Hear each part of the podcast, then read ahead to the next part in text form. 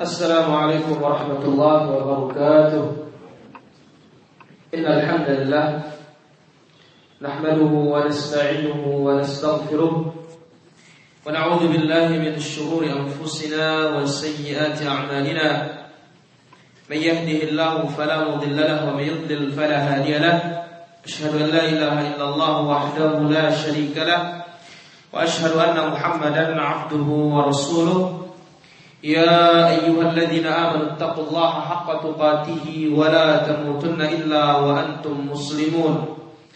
يا أيها الناس اتقوا ربكم الذي خلقكم من نفس واحدة وخلق منها زوجها وبث منهما رجالا كثيرا ونساء.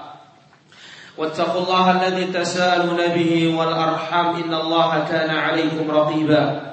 يا أيها الذين آمنوا اتقوا الله وقولوا قولا سديدا يصلح لكم أعمالكم ويغفر لكم ذنوبكم ومن يطع الله ورسوله فقد فاز فوزا عظيما.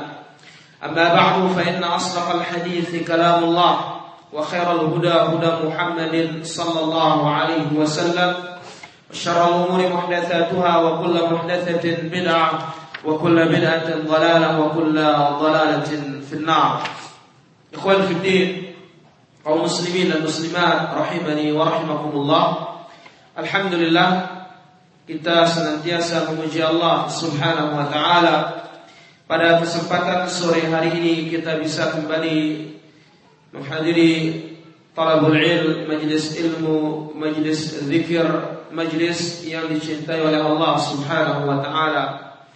Terakhir dalam pertemuan kita kita telah membahas yang berkaitan dengan masalah as-sutrah, pembatas di dalam sholat, dan terakhir kita sebutkan garis atau sujadah tidak bisa dijadikan sebagai sutra. Dan hadisnya dhaif. Sekarang ini kita masuk pembahasan yang lain, mayubahu fi'luhu fi shalah. Beberapa perbuatan yang diperbolehkan untuk melakukannya di dalam sholat. Dan ini tidak termasuk membatalkan sholat. Yang pertama ghalabatul buka, nangis yang tidak tertahankan. Wal anin, menangis, ya, sedih dan semisalnya. Entah kita menangis karena takut kepada Allah Azza wa atau yang lainnya.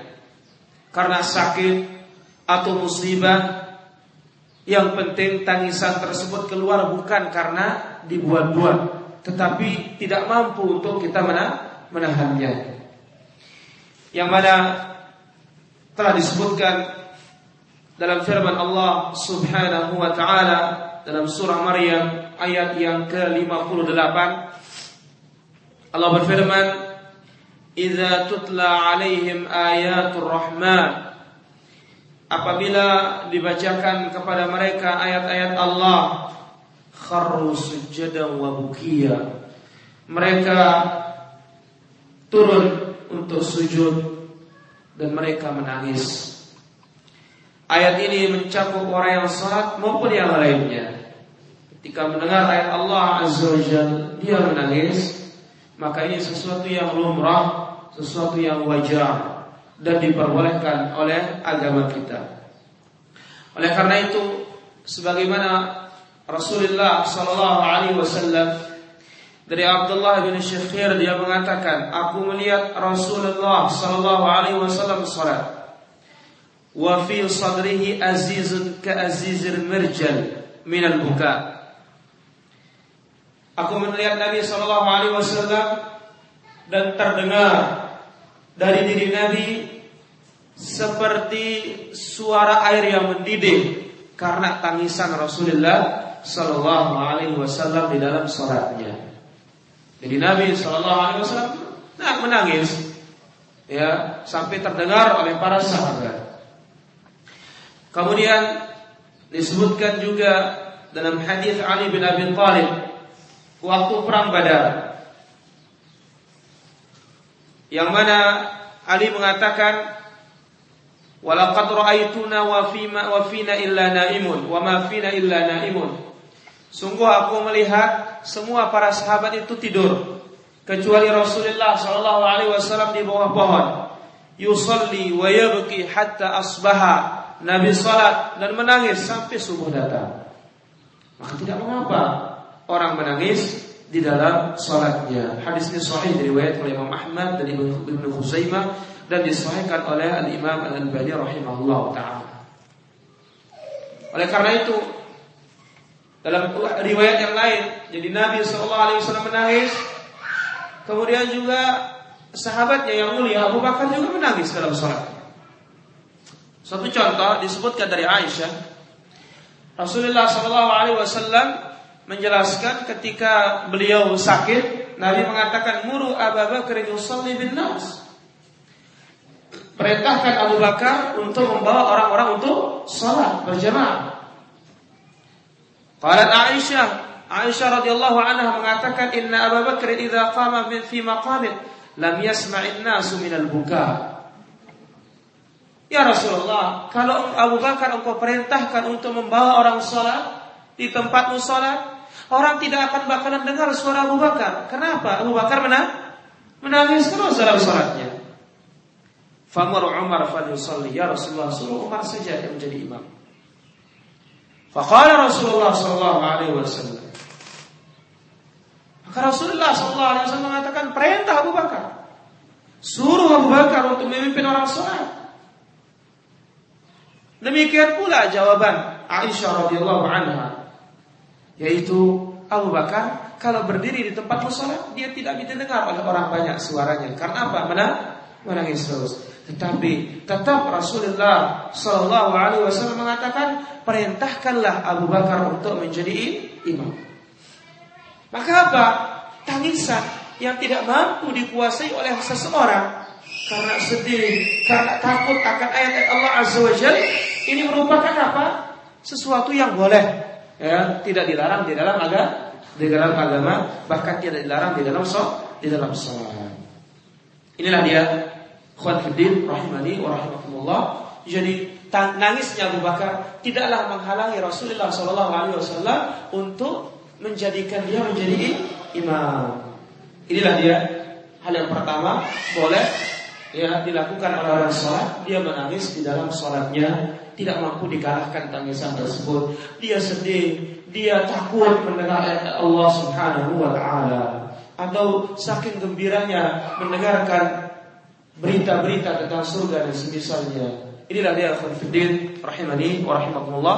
Poin yang pertama yang membolehkan atau hal-hal yang dibolehkan bagi orang sholat. Yang kedua, al-iltifat menoleh. Wal isyarah al-mufhimah inda al-hajah. Memberi isyarat yang difahami oleh orang ketika ada kebutuhan. Menoleh dalam sholat dan berisyarat di dalam sholat kalau dibutuhkan. Bagaimana? Dari Jabir radhiyallahu an, Rasulullah sallallahu alaihi wasallam sakit. Fasallaina wara'ahu wa huwa qa'id. Maka kami pun salat di belakang Nabi sallallahu alaihi wasallam. Nabi salatnya duduk. Wa Abu Bakar yusmi'un nasa takbirah. Dan Abu Bakar Siddiq radhiyallahu anhu sebagai muballigh. Karena salat Nabi tidak tidak kuat. Abu Bakar yang menjadi mubal muballigh di belakangnya. Maka begitu mikir juga sekarang.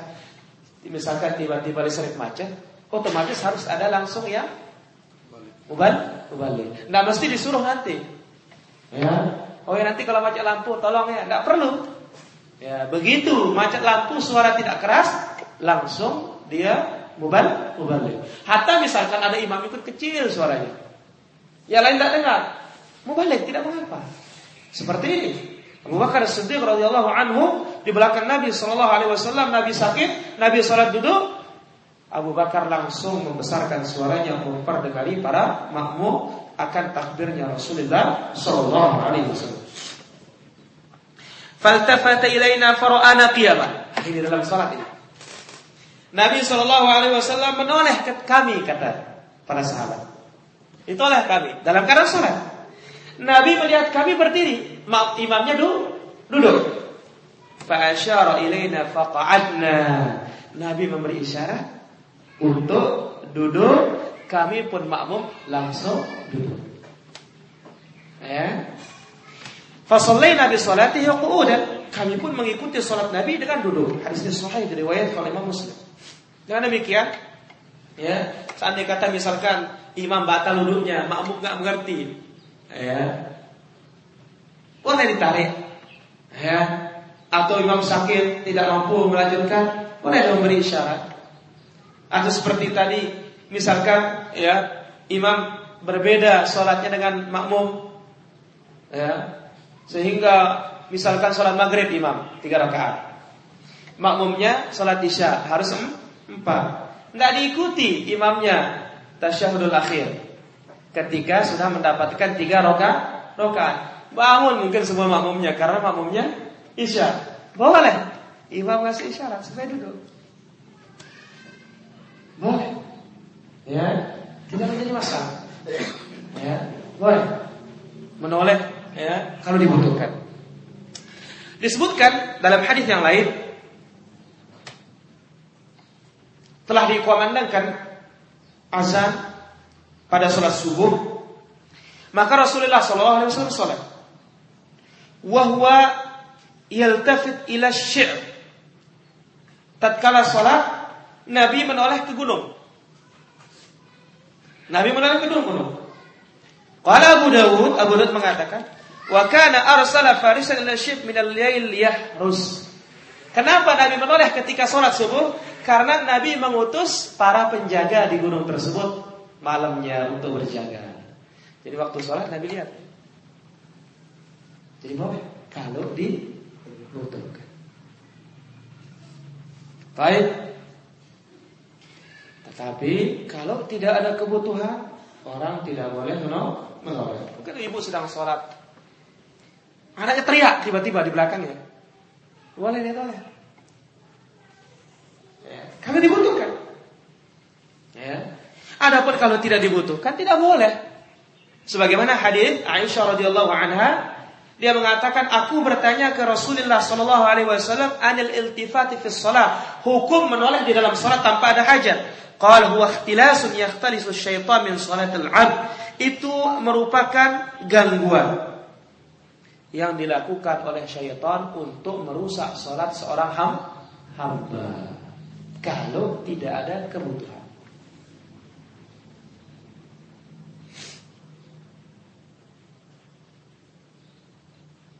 Tentunya apa?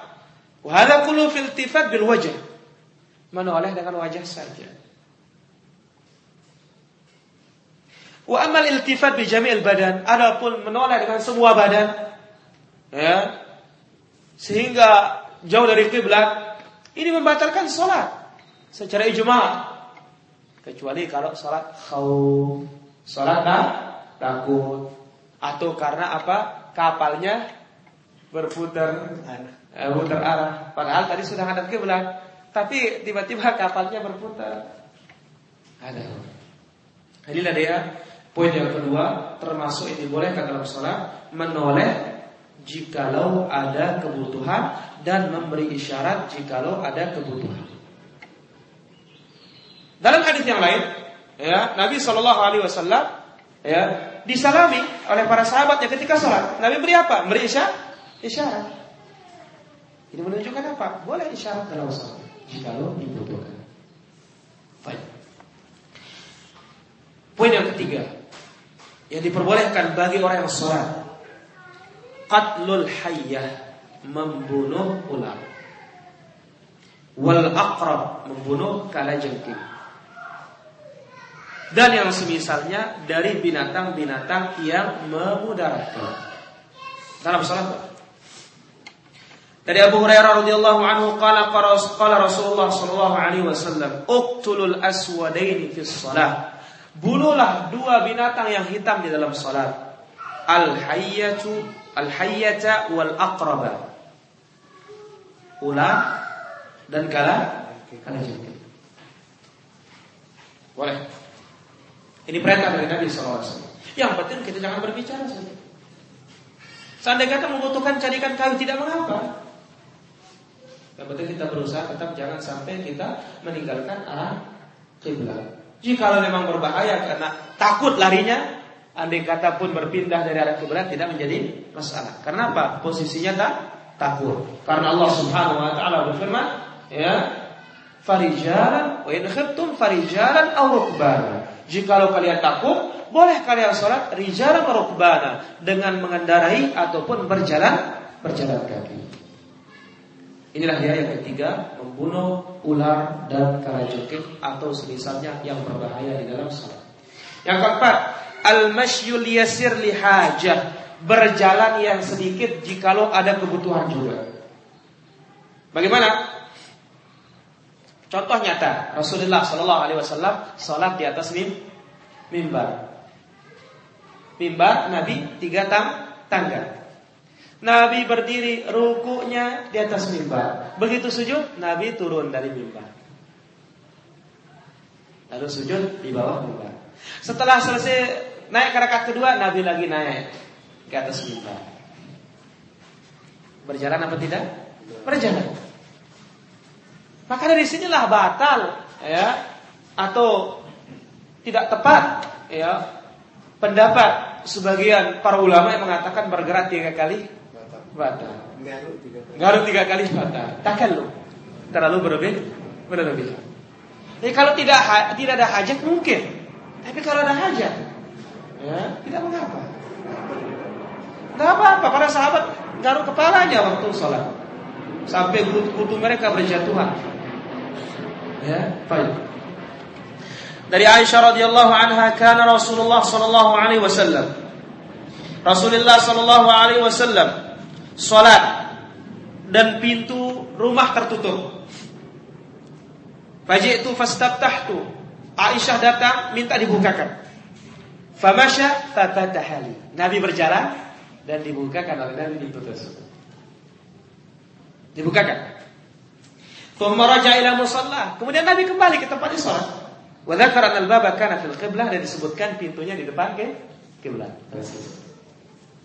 Dari sini kita kenal bahwa ini saudara kita, ini teman kita, tahu kita. Ya, tidak ada tempat duduk di rumah. Dia ketuk pintu, kita tahu, boleh kita bukakan. Ya, harta kita isyarat silahkan duduk tidak menjadi masalah. Berdasarkan hadis Aisyah radhiyallahu anha. Hadis ini sahih. Disebutkan fih jawazul amal yasir. Boleh beramal yang sedikit, berbuat yang sedikit. Al-hadif fi shalah yang dibutuhkan di dalam salat ya yang dibutuhkan di dalam sholat. Inilah dia yang disebut oleh Rasul dari Aisyah radhiyallahu anha tentang perbuatan Nabi Shallallahu Alaihi Wasallam yang keempat, boleh berjalan kalau dibutuhkan.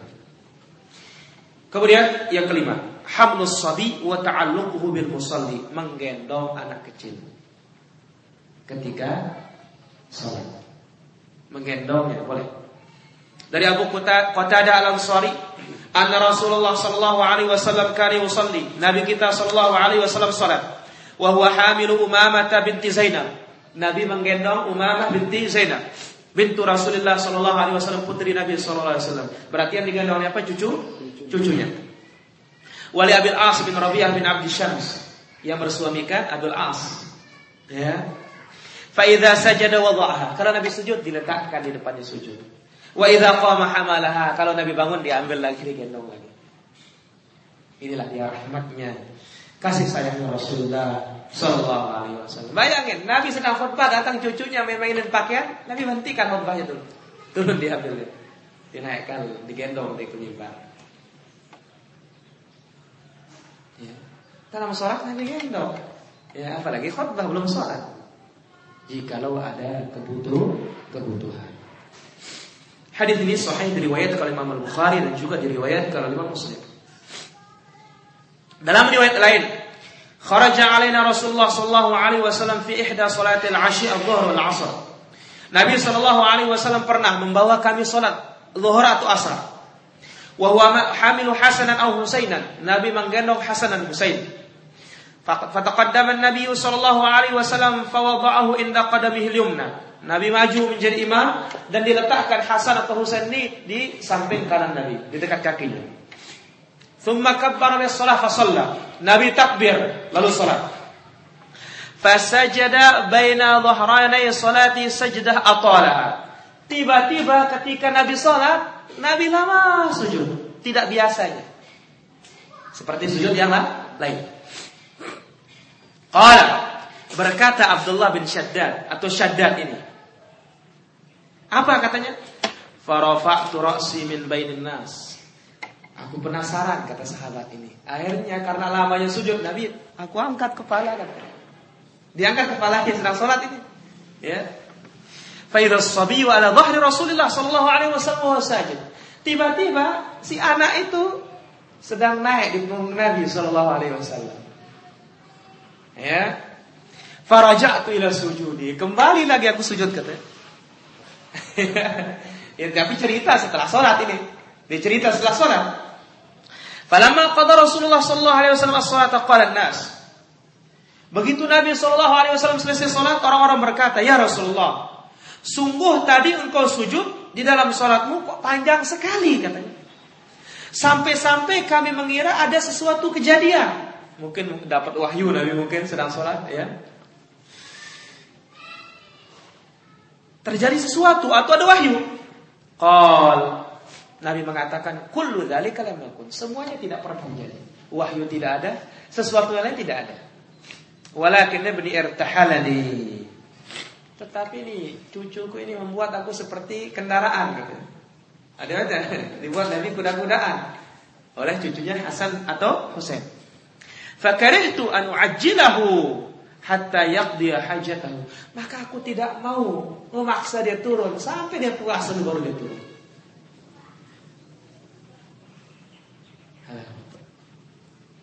Ya, Inilah hilmnya Rasulullah SAW Lembutnya Rasulullah SAW Di sini kita ambil berapa faedah bahwa Boleh menggendong bayi Seandainya kata dinaiki kita, kita biarkan dulu. Kemudian apa juga ya Seandainya kata ada orang penasaran di belakang Kok tiba-tiba angkat kepala Misalkan karena tidak terdengar suara Ya Kok lama sujud ini rasanya Tiba dilihat ternyata sudah Sujud Sudah bangun orang Atau masih orang sujud Tidak batal salatnya Buktinya sahabat ini penasaran kok lama sekali sujud. Dia bangun. Ya, telah bangun masih sujud. Dia kembali lagi. Nah, hadis ini sahih diriwayatkan oleh Imam An-Nasa'i, Ibnu Asakir Al-Hakim dan disahihkan oleh Imam Al-Dhahabi dan juga Imam Al-Albani rahimahullah taala. Ini yang kelima, menggendong bayi dan anak itu bergantung kepada yang sholat seperti dia naik di punggung di punggung atau semisal. Yang keenam, ilqa salam ala musalli. Menyampaikan salam kepada yang salat atau memberi salam kepada yang sedang salat. Wa mukhatabatuhu dan berbicara dengan yang salat. Ya, berbicara dengan yang salat. Wa jawaz rabbil isyarah ala man sallama alaih dan boleh menjawab salam itu dengan isyarat bagi yang menyalaminya. Ini yang ke-6. Menyampaikan salam, berbicara dengan yang salat, kemudian menjawab dengan isyarat. Dari Jabir radhiyallahu anhu dia mengatakan, sesungguhnya Rasulullah sallallahu alaihi wasallam mengutus aku untuk suatu kebutuhan beliau. Lalu aku bertemu dengan Nabi sallallahu alaihi wasallam ketika Nabi sedang salat. Fasallamtu alaihi fa asyara ilayya. Aku pun memberi salam kepada Nabi, Nabi pun memberi isyarat. Memberi isyarat dengan tangan boleh, dengan kepala juga bo boleh. Falamma faragha da'ani. Begitu Nabi selesai salat, Nabi memanggil aku. Faqala innaka sallamta anifan wa ana usalli. Wahai Jabir, tadi engkau salam sedang saya salat? Iya ya Rasulullah. Wa huwa muwajjihun hina idzin qibala al-masyriq. Di saat itu Jabir diutus ke arah timur. Jadi Jabir menyampaikan salam dan Nabi Shallallahu Alaihi Wasallam memberi isyarat. Baik. Dalam riwayat lain, aku melewati Rasulullah Shallallahu Alaihi Wasallam sedang sholat. Fasallam tu alaih. Kata Suhaib, aku menyalami Nabi Shallallahu Alaihi Wasallam. Farad dan isyaratan. Nabi menjawab dengan isyarat. Isyarat. Wala a'lamuhu illa qala isyaratan bi usbu'ihi. Isyarat beliau dengan telunjuk. Gimana? Pokoknya mana yang dimengerti orang-orang yang menyalami kita. Wa Anas bin Malik anna Nabi sallallahu alaihi wasallam kana yushir fi shalah. Anas bin Malik mengatakan Nabi sallallahu alaihi wasallam memberi isyarat dalam salat. Juga dalam hadis Ibnu Umar, Nabi memberi isyarat seperti ini. Dalam riwayat lain, Nabi juga memberi isyarat dengan kepala. kepala. Pokoknya mana yang dimengerti orang-orang menyalami kita itu. Bahkan disebutkan dalam sebuah riwayat, ya, bahwa Nabi Shallallahu Alaihi Wasallam diajak bicara oleh sahabat nih, Nabi mengangguk, menunjukkan setuju. Adapun berbicara itu yang membatalkan sholat. Kalau isyarat tidak membatalkan sama sekali. Karena isyarat itu bukanlah kalam, bukanlah omong, omongan. Ya, dia betul menggantikan omongan. Tetapi dalam sholat isyarat tidak membatalkan sama sekali karena Nabi Shallallahu Alaihi Wasallam dalam beberapa perkara perbuatan beliau dalam sholat menjawab dengan isyarat. Isyarat. Inilah dia poin yang keenam yang dibolehkan di dalam sholat. Yang ketujuh, At-tasbih wa tasbih. Mengucapkan subhanallah bagi makmum laki-laki apabila menegur imam. Tentu kaitannya kalau dengan pergerakan yang salah. Tapi kalau bacaan salah dilurus, diluruskan dengan bacaan. Ya. Salah ayat luruskan dengan bacaan ayat juga. Tapi salah pergerakan ya, pakai Subhanallah. Kalau wanita dia bertepuk Boleh laki-laki bertasbih dan perempuan bertepuk tangan apabila ada suatu kejadian di dalam sholat. Seperti meluruskan kesalahan imam. Atau memberikan izin bagi orang yang masuk. Nah, misalkan ya, Assalamualaikum. Dia tidak mengatakan dia tidak besarin ayat yang dibaca. Tapi dia jawab dengan apa? Subhanallah. Berarti dia sedang so sholat, boleh masuk. Nah, sebagian mengatakan seperti itu. Kalau sedang sholat, ya kalau dia ada yang ada yang salah atau ada yang apa, ya besarin bacaannya katanya. Tidak. Kalau ada yang salah, ya atau ada yang mau masuk, kita ucapkan subhan subhanallah. Awal irsyad lil a'ma atau menunjuk orang yang sedang buta. Misalkan orang buta ini parit, kita sedang sholat. Kalau dia bilang kiri kan nggak boleh, ya, awas nggak boleh. Maka kita pakai subhanallah mengingatkan dia. Dari Sahal bin Sa'ad radhiyallahu an dari Nabi sallallahu alaihi wasallam Nabi bersabda, "Ya ayuhan nas, wahai sekalian manusia." Idza nabakum syai'un fi salatikum. Apabila ada yang menginginkan perbaikan atau yang memberi peringatan di dalam salat, akhadtum bit tasbih. Kalian bertepuk tangan. Sesungguhnya tepuk tangan itu untuk para wanita. Manabahu syai'un fi barang siapa yang ingin memberikan peringatan di dalam salat falyaqul subhanallah katakanlah subhanallah fa innahu la yasma'u ahadun illa tafat karena siapa yang mendengar tasbih di dalam salat pasti dia akan menoleh. Nabi bilang begitu yakin sih? Ya. Subhanallah pasti akan ada kagetnya itu ada peringatannya. Hadis ini sahih riwayat Imam Bukhari dan Imam Muslim. Oleh karena itu Nabi bersabda At-tasbihu lirrijal wa tasfiqu lin-nisa. Ucapan subhanallah untuk laki-laki dan tepuk tangan untuk wanita. Yang ke-8, al-fathu al-imam. Meluruskan kesalahan imam dalam baca bacaan. Idza nasiyal imam ayat. Apabila seorang imam salah ayat, maka makmum meluruskan, memperbaikinya. Dari Ibnu Umar, Nabi sallallahu alaihi wasallam. Maka Nabi membaca. Bisa alaih.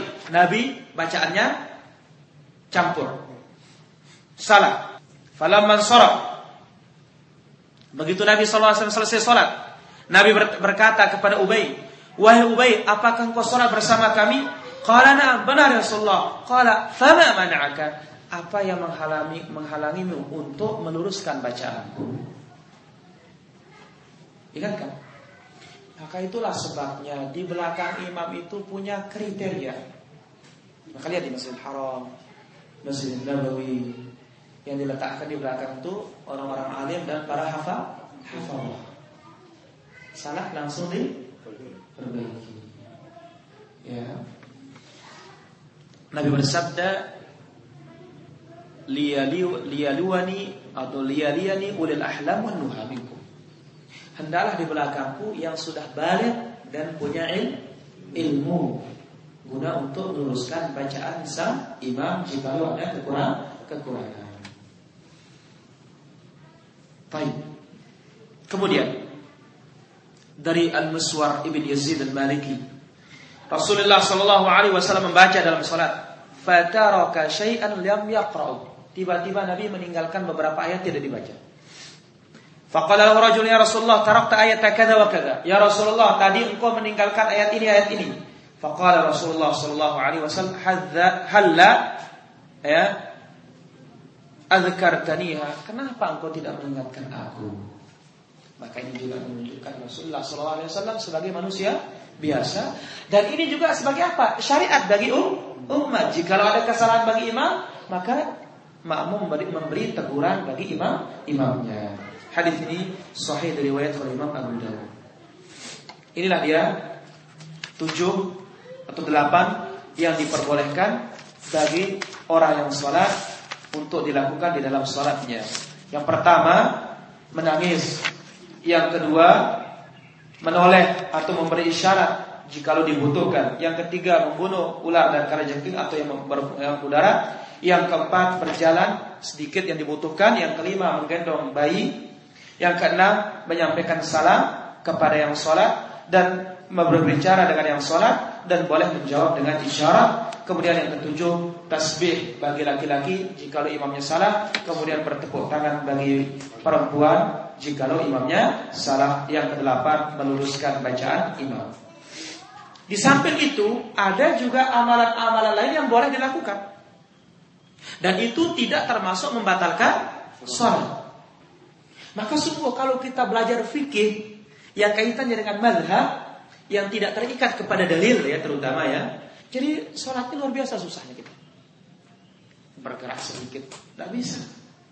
Sehingga HP ini luar biasa, ya suaranya musik, tidak berani dia bergerak, ya tidak berani bergerak. Padahal apa? Sungguh mengganggu orang yang orang yang sholat. Baik. Mana dia amalan yang boleh? Rujuk al-imam al-qahqari fi salati. Awal taqaddumahu bi amrin yanzilu bihi. Imam boleh mundur dalam salat. Atau maju seseorang menjadi imam dalam salat.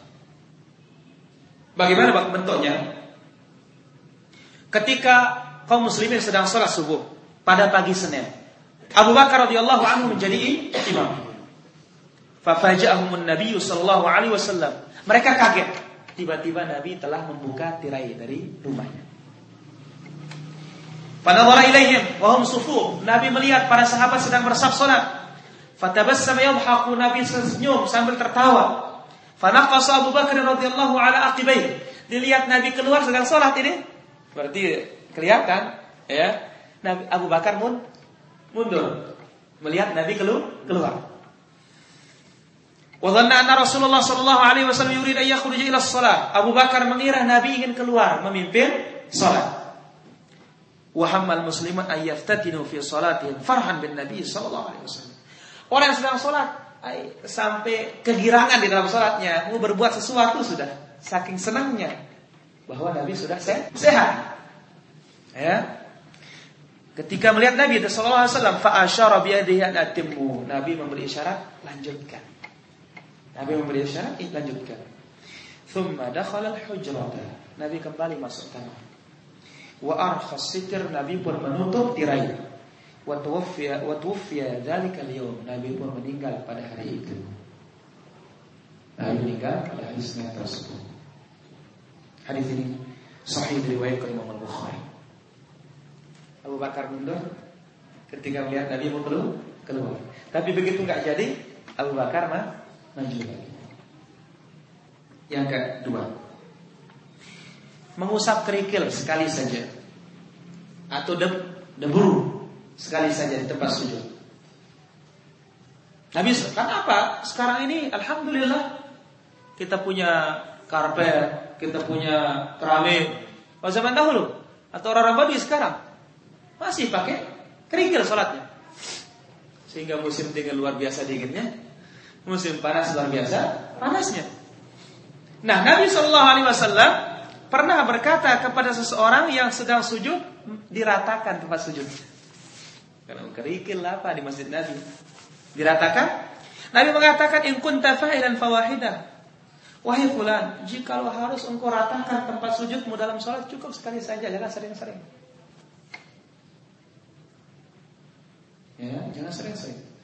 Ini boleh juga. Hadis ini sahih diriwayatkan oleh Bukhari dan juga diriwayatkan oleh Muslim.